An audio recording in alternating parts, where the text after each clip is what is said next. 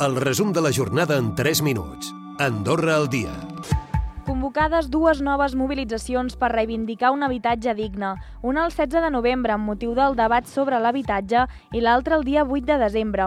La nova plataforma coordinadora per l'habitatge digne busca convocatòries centrals i massives.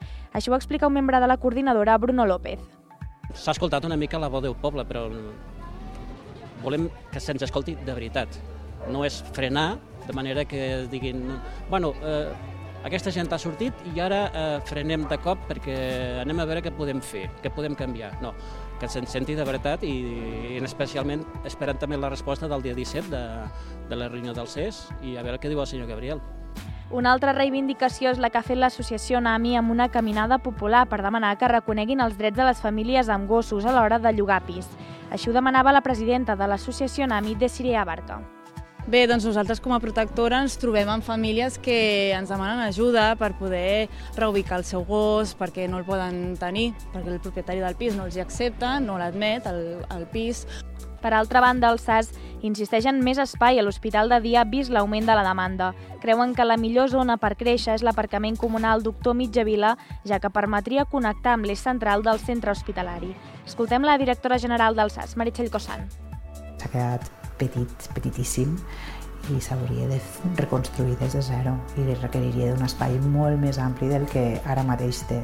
Diria que quasi requeriria d'una planta quasi nostra i durant aquest 2023 es calcula que la despesa en visites als metges generalistes serà d'uns 4,21 milions d'euros. Des de que es va implantar la figura del metge referent el 2020 ha pujat uns 700.000 euros. Des de l'executiu es constata que el metge referent ha tingut un gran èxit, ja que 9 de cada 10 pacients el tenen. Per altra banda, el videodressing torna a la Massana, però aquest cop per torns, degut a la gran demanda de paradistes.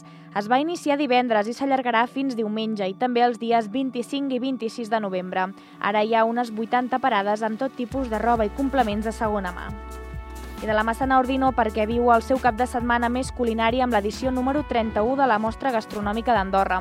Els assistents han pogut degustar una desena de productes de proximitat, aprendre noves receptes i també conèixer millor la gastronomia del país. També s'ha acollit una exhibició de cuina. Escoltem la cònsul menor d'Ordino, Eva Choi. Sí, el Saló Gourmet ve acompanyat del que anomenem Gastrolab, que és un, és un espai per fer doncs, tallers i, i degustacions d'alguns de, productes i hem dedicat doncs, al, al Gastrolab a, a, a uns tallers que ja estan exaurides les, les places i èxit en el segon cap de setmana de l'Andorra Shopping Festival amb l'Avinguda Meritxell plena. Ha estat una jornada marcada per la música en directe, un piano gegant i DJs andorrans.